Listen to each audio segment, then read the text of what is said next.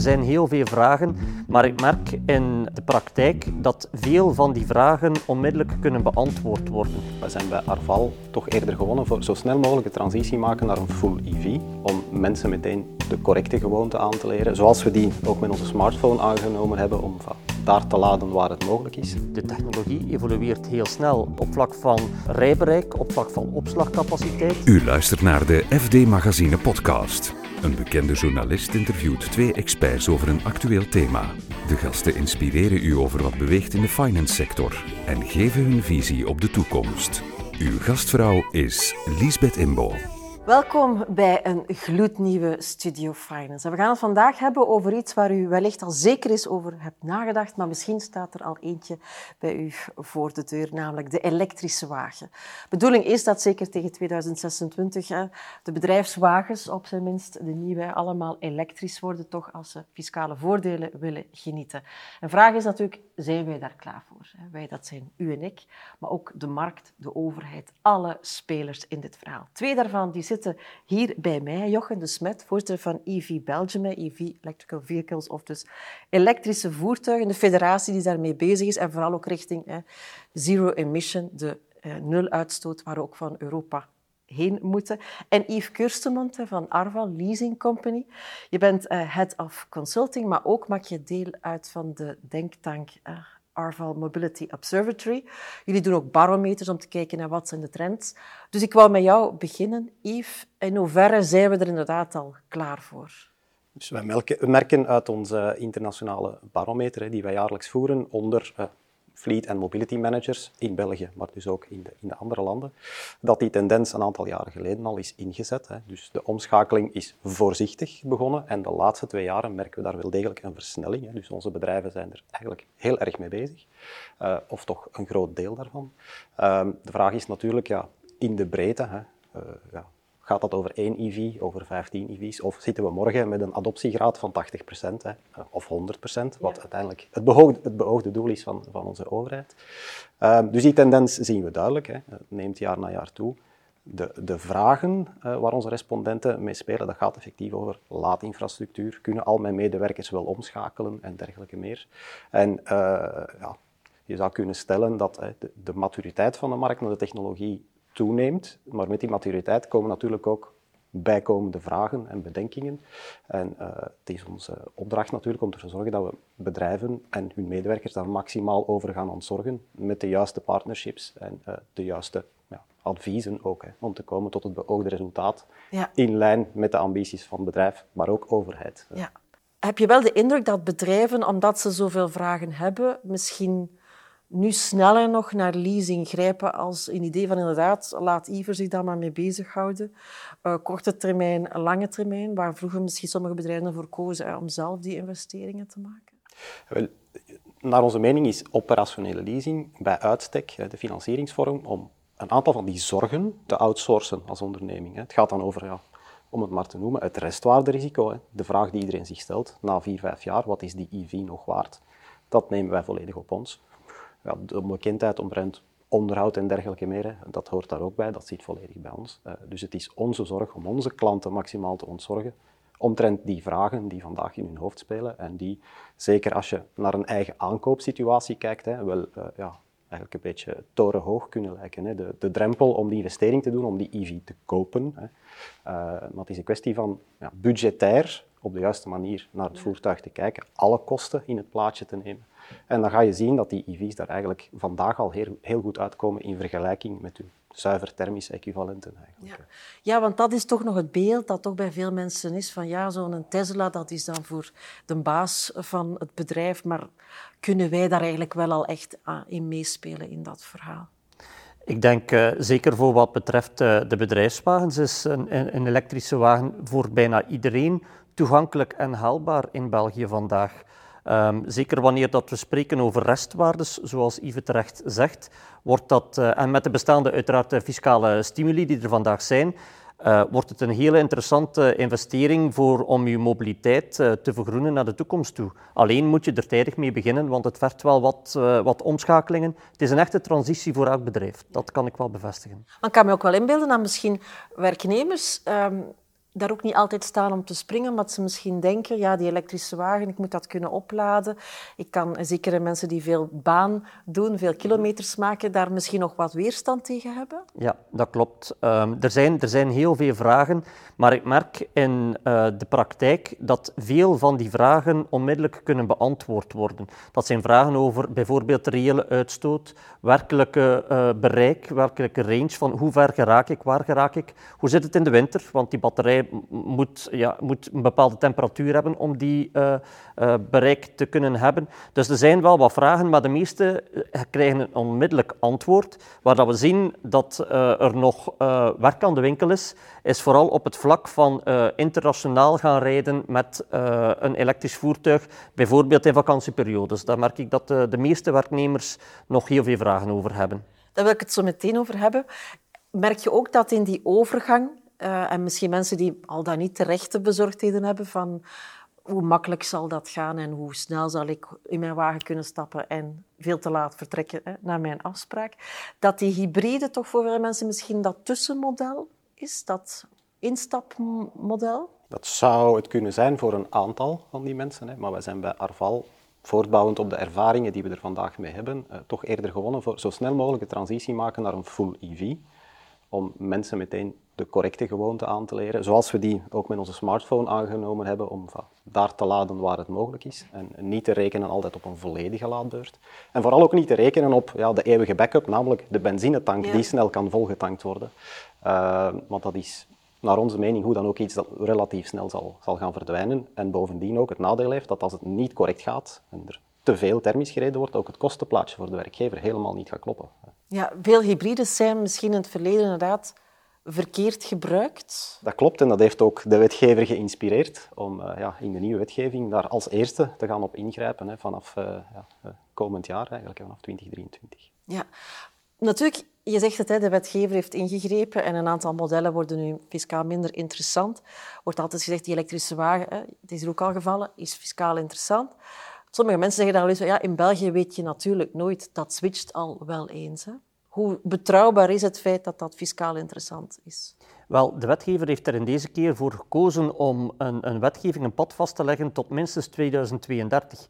Dus we zitten uh, wel even zoet, zal ik maar zeggen, met, uh, met die fiscaliteit. En laat ons hopen dat er tussendoor niet te veel tussenstappen moeten genomen worden en kleine wijzigingen uh, worden, worden aangepast aan, aan de bestaande wetgeving.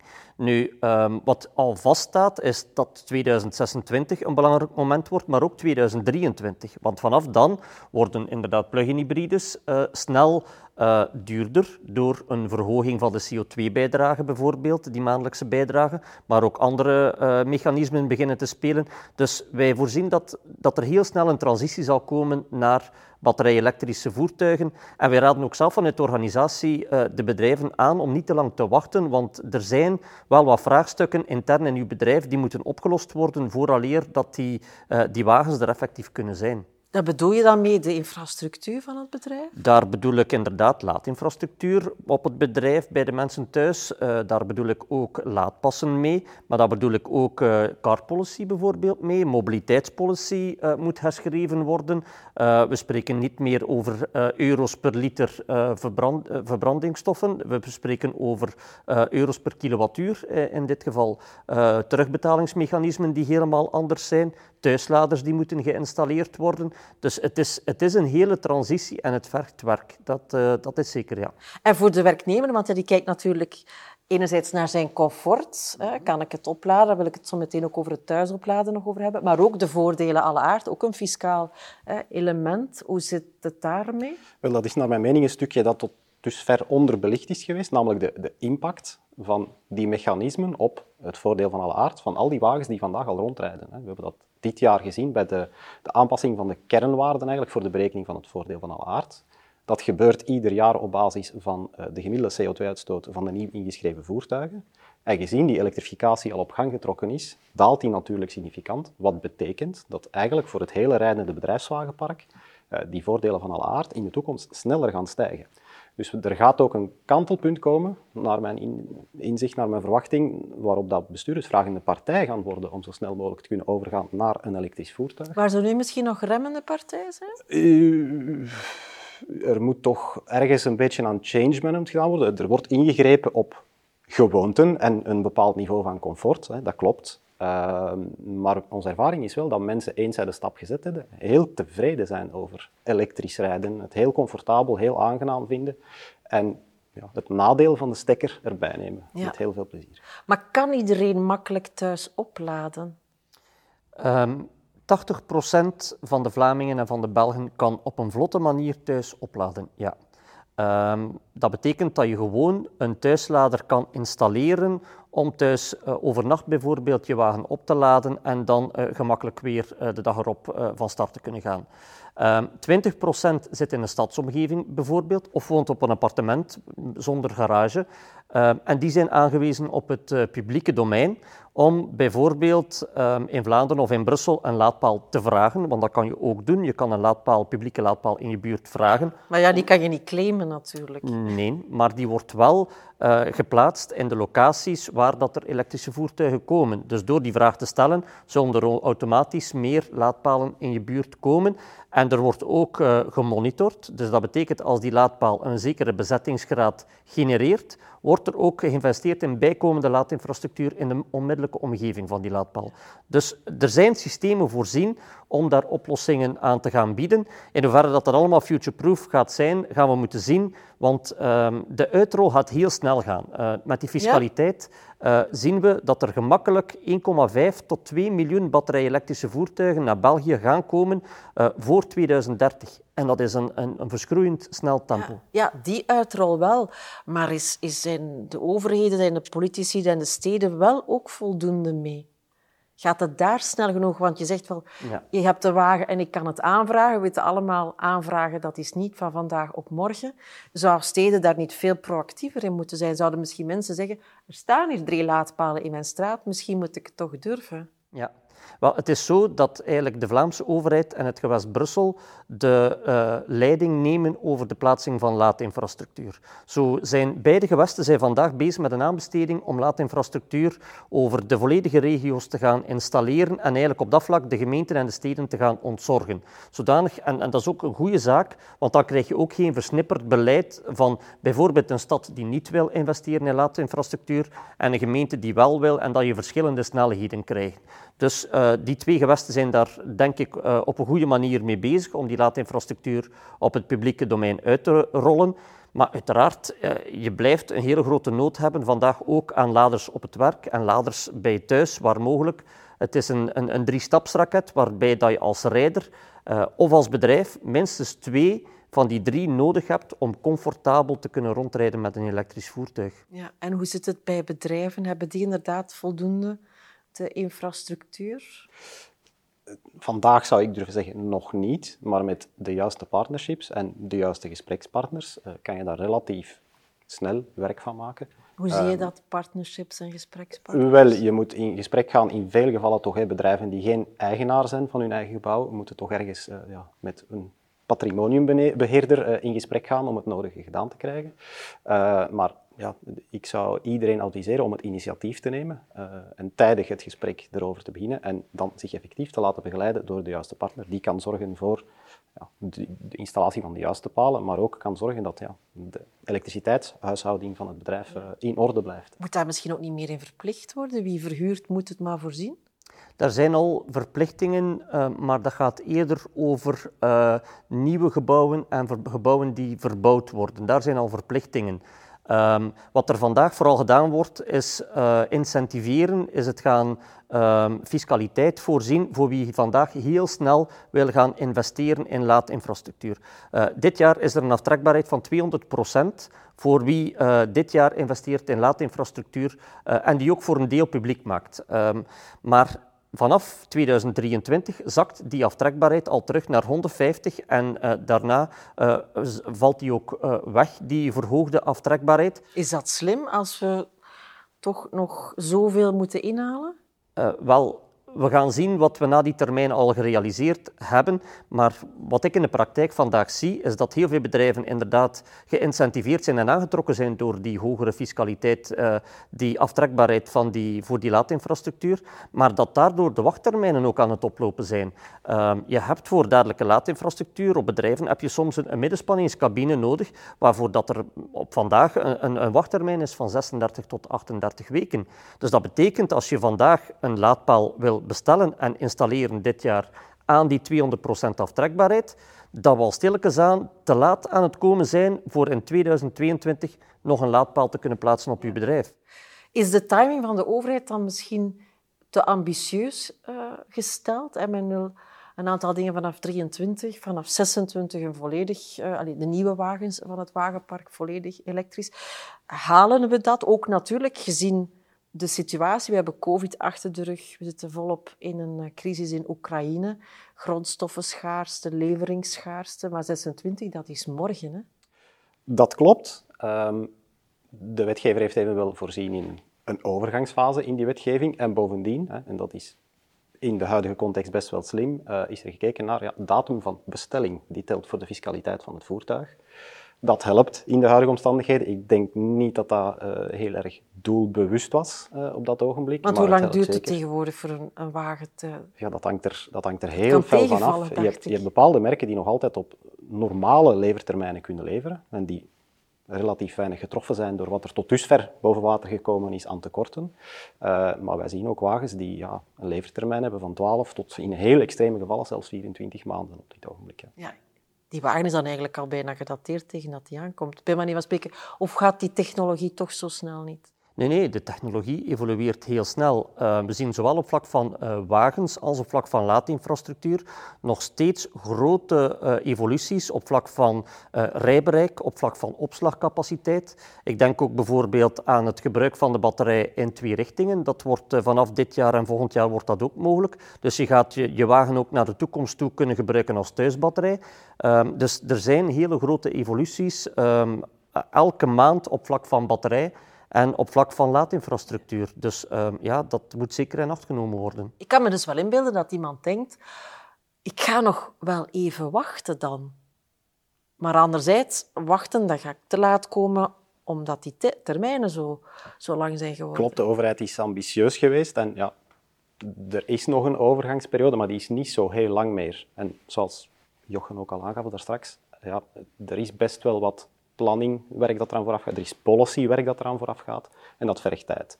Dus uh, de, de, time is now, zou ik zeggen, om op zijn minst te starten met het transitieproject als er nog niet bij begonnen is. En uh, zoveel mogelijk mensen te charmeren en te motiveren om de overstap te wagen. Wat is het denkbaar, stel nu ja 26, de bedoeling is dat de bedrijfswagens elektrisch worden, maar stel nu dat elke Belg die dan een nieuwe wagen koopt er ook voor kiest, kunnen wij dat überhaupt aan? Wel, wij voorzien in onze sector dat er een groeiende vraag gaat komen naar profielen met uh, heel hoge kennis van laadinfrastructuur en anderzijds ook uh, steeds meer mensen, handen die nodig zijn om laadinfrastructuur te installeren. En daar zien we dat er vandaag, doordat er een transitie ook is naar, naar meer zonnepanelen, naar warmtepompen, naar elektrische ja, voertuigen... Die weten wat gedaan, hè? Daar zijn al vandaag grote tekorten. Dus wij zijn vandaag als federatie ook mensen aan het opleiden. Uh, wij werken ook samen met bepaalde overheden om opleidingen te geven om mensen om te scholen, uh, om uh, als installateur elektrotechnieker aan de slag te gaan. Het is een job met 100% zekerheid, maar um, er zijn gewoon um, te weinig mensen voorradig in België om snel genoeg te kunnen inspelen op die evoluties. Dus daarvoor zien wij naar handen, voorzien wij moeilijkheden. Um, als de overheden gaan beslissen om naast die anderhalf tot 2 miljoen voertuigen te vergroenen, ook nog eens uh, voor particulieren heel snel te willen gaan, dan voorzien wij wel uh, capaciteitsproblemen. Ja? Dan, uh, men moet daar een, een, duidelijk plan rondbouwen en dat plan is er vandaag niet. Ja, dan zullen dus de particulieren misschien toch nog even voor die ja, benzine of die diesel blijven gaan.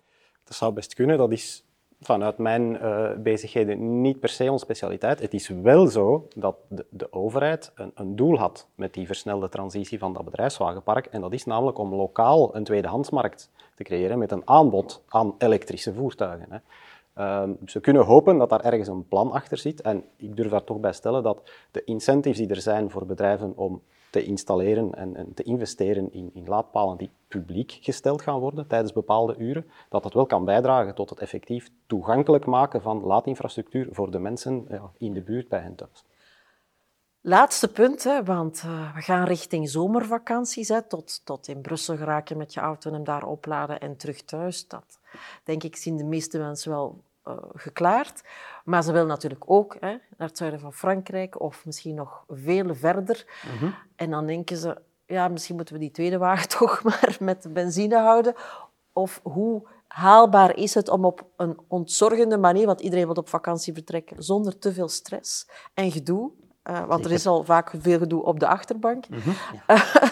dat je dat toch ook comfortabel met die elektrische ja. wagen kan doen. Wel, ik heb het al meerdere keren gedaan. Uh, een, een, afstand van meer dan 1000 kilometer per dag. En uh, met het beschikbare potentieel aan snelladers op vandaag is het mogelijk. Je betaalt daar ook een stuk meer, maar dat is ook maar heel sporadisch dat je van die snelladers gebruik maakt. En er zijn hele grote investeringen, zowel in België als in Frankrijk, als in Oostenrijk, als in Duitsland eh, en in Nederland, maar daar staan, ze al um, in die snelladers. In hoeverre dat het investeringsritme in de snelladers, het, uh, de uitrol van die elektrische voertuigen gaat kunnen blijven bijbenen, dat is een vraag die ik mij ook stel. Uh, ik zie nu ook al op drukke momenten tijdens de zomer toch wachtrijen aan die snelladers. Um, niet zo heel lang.